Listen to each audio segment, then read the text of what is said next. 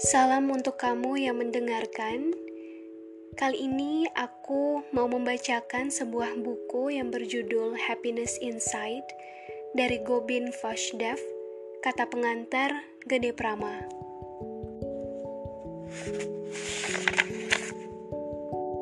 Bagian 1: Mencari kebahagiaan. Tubuh dan pikiran apa yang Anda inginkan? Suara seorang wanita yang terdengar di ujung telepon bertanya dalam acara talk show interaktif di sebuah radio swasta di Bali. Setelah mengucapkan salam, ibu ini bertanya kepada saya, "Bila saya mendengar acara tentang kejernihan pikiran, membaca buku-buku motivasi, atau seminar-seminar pencerahan, semuanya terasa benar dan baik." Tetapi, mengapa ya itu terasa susah sekali untuk dilakukan? Pernahkah Anda mengalami hal yang sama? Jika ya, itu berarti Anda tidak sendirian. Sebagian besar hal ini terjadi di masyarakat dunia. Terasa betul sekali apa yang dikatakan ibu tersebut, bahwa sering kali apa yang kita dengar, baca, atau ikuti dalam pelatihan itu semuanya indah, tetapi hanya dapat dijalankan dalam tataran pikiran atau filosofis. Dalam tataran praktis sehari-hari, apalagi dalam kehidupan bermasyarakat, ketika kita dituntut berhubungan dengan orang lain, semuanya itu susah sekali dilakukan. Contohnya, berpikir positif dan sabar Ibu pendengar radio yang di ujung telepon itu melanjutkan, "Bagaimana kita dapat berpikir positif sementara orang lain menuduh saya melakukan yang bukan-bukan?"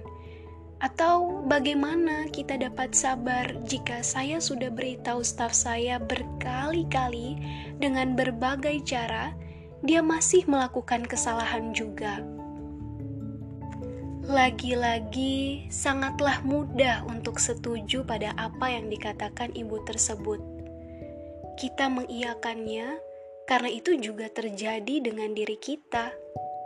Di sini, kita bukan mencari cara apa yang seharusnya dilakukan, tetapi melakukan pembenaran-pembenaran dalam kelemahan diri, dan bahkan mengklaim jika apa yang ada di buku atau di seminar bukan hanya susah, tetapi tidak mungkin dilakukan dalam kehidupan sehari-hari.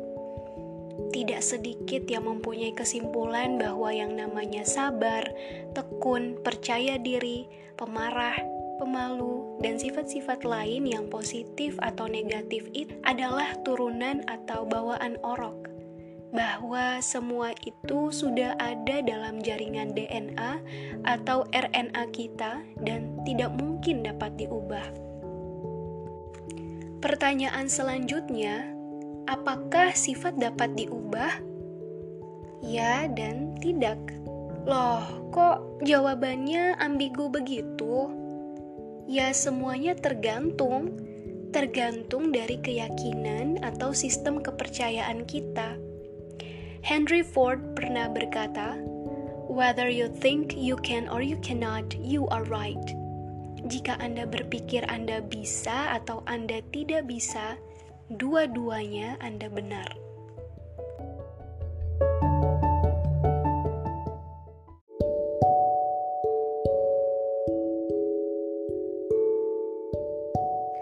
Jika semua tergantung keyakinan, apakah dengan kita yakin bisa sabar, kita akan menjadi orang sabar?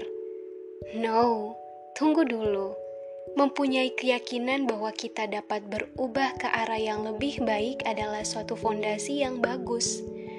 Tetapi jika kita berhenti sampai fondasi saja dan tidak membangun rumah, kita tetap kehujanan dan kepanasan. Manusia adalah makhluk kebiasaan, dan semua sistem kepercayaan atau belief system, nilai atau value, aturan atau rules atau mudahnya sifat yang ada dalam diri kita, semuanya terbentuk dari pengalaman atau kebiasaan masa lalu kita. Kita mempunyai pohon dalam pikiran kita. Ada pohon kesabaran, cinta kasih, kepedulian, melayani, atau sering disebut sifat positif, dan juga pohon yang tidak menguntungkan, seperti ketakutan, keserakahan, egoisme, dan lainnya. Perlu diketahui bahwa semua ini sebenarnya tidak ada yang buruk. Semuanya mempunyai maksud yang baik. Mereka ada pada dasarnya untuk melindungi diri kita.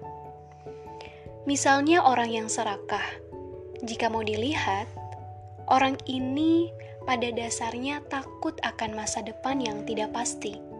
Oleh karena itu, untuk melindungi dirinya dari kesengsaraan, dia mengamankan dirinya dengan ingin memiliki lebih pada semua hal. Kita dapat menyimpulkan di sini dengan satu kata yang berkonotasi tidak baik, yaitu serakah. Sekali lagi, semua aturan, kepercayaan, value dalam diri seseorang pada dasarnya baik, tetapi ada yang menguntungkan, ada yang tidak menguntungkan dirinya. Kembali pada analogi pohon sama seperti pohon yang ada di dunia ini, pohon dalam pikiran kita juga akan berkembang jika kita merawat atau memberikan makanan. Jika dalam kehidupan sehari-hari kita menyirami pohon kemarahan, pohon ini akan berkembang dan mempunyai akar yang sangat kuat. Tarikannya akan begitu kuat sehingga jika ada sesuatu yang terjadi dalam kehidupan kita, alangkah mudahnya kita terseret pada kemarahan dibandingkan kesabaran yang pohonnya tidak pernah diberi makan.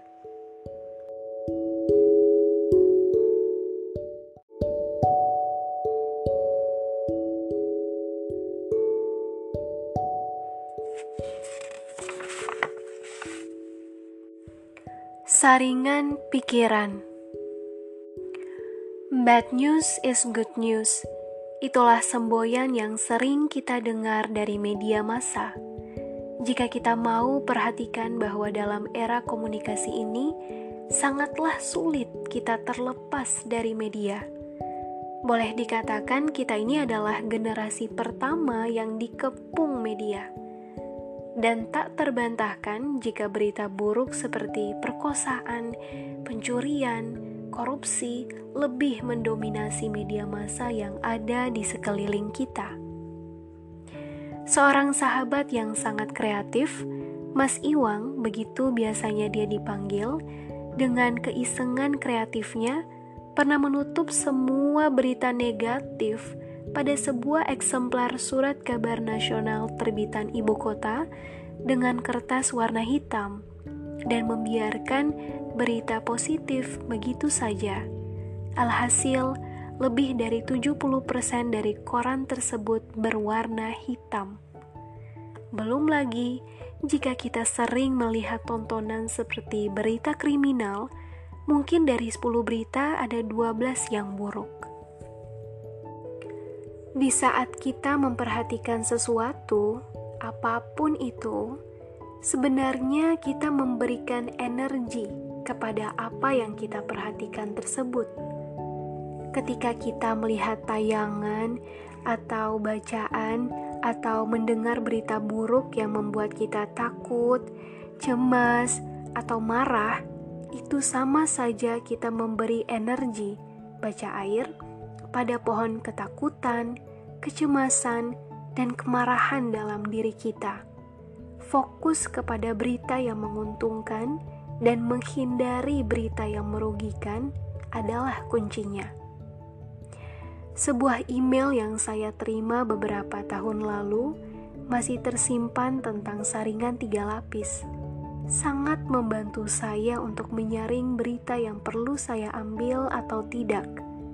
Izinkan saya membagi tulisan itu di sini.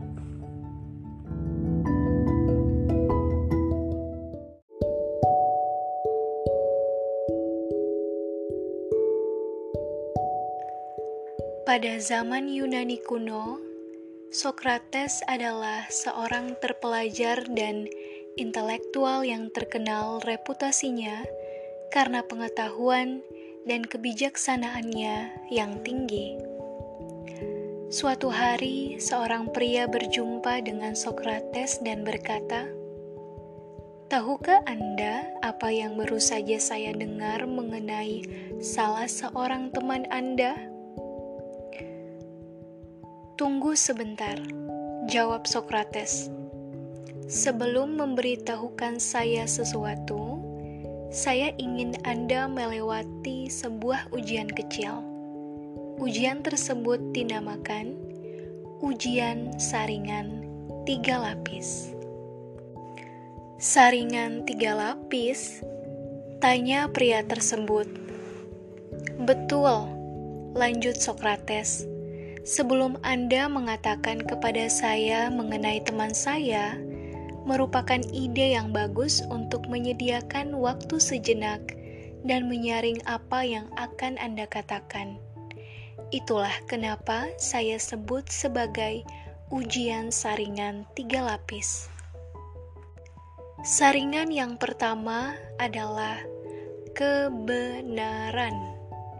Sudah pastikah Anda bahwa apa yang akan Anda katakan kepada saya benar? Tidak, kata pria tersebut. Sesungguhnya saya baru saja mendengarnya dan ingin memberitahukannya kepada Anda. Baiklah, kata Sokrates. Jadi, Anda sungguh tidak tahu apakah hal itu benar atau tidak. Sekarang, mari kita coba saringan kedua, yaitu kebaikan. Apakah yang akan Anda katakan kepada saya mengenai teman saya adalah sesuatu yang baik? Tidak, sebaliknya, mengenai hal yang buruk. Jadi, lanjut Sokrates, Anda ingin mengatakan kepada saya sesuatu yang buruk mengenai dia, tetapi Anda tidak yakin jika itu benar. Anda mungkin masih dapat lulus ujian selanjutnya, yaitu kegunaan. Apakah cerita yang Anda ingin beritahukan kepada saya tentang teman saya tersebut akan berguna buat saya? Tidak, sungguh tidak, jawab pria tersebut. Jika begitu, simpul Sokrates, jika apa yang Anda ingin beritahukan kepada saya tidak benar, tidak juga baik, bahkan tidak berguna untuk saya, mengapa Anda ingin menceritakannya kepada saya? Tubuh dan pikiran adalah suatu kesatuan yang keduanya saling berinteraksi, dan keduanya adalah hasil dari apa yang dilakukan dan dipikirkan terhadapnya di masa sebelumnya. Jika kita melihat tubuh ini dan memperhatikan pikiran kita, semuanya terbentuk seperti sekarang ini karena ini adalah hasil dari apa yang telah Anda lakukan dan pikirkan. Jika sulit bagi diri kita untuk berpikir positif, itu tidak lain karena pohon positif dalam pikiran kita jarang diberi makan. Ketika perasaan iri, dengki dominan dalam diri kita, itu bukan karena kejadian di luar atau orang lain yang menyebabkannya. Semua adalah peran kita dalam memupuk kesuburannya. Karena itulah apa yang disampaikan dalam buku, seminar, atau radio yang kita dengar sangatlah sulit untuk diterapkan sehari-hari, karena pohon-pohon positif itu belum mengakar dalam diri kita. Perlu ekstra kerja keras dalam membuat perubahan yang seketika jika keadaannya seperti ini. Tetapi tidak perlu berkecil hati. Selama ada kemauan, pasti ada jalan. Bukan bisa atau tidak, melainkan yang penting adalah mau atau tidak. Sekali lagi, tubuh dan pikiran kita hari ini terjadi karena apa yang kita lakukan dan pikirkan pada masa lalu. Tubuh dan pikiran apa yang ingin Anda lihat pada masa depan tergantung pada apa yang akan Anda lakukan dan pikirkan mulai saat ini dan ke depannya.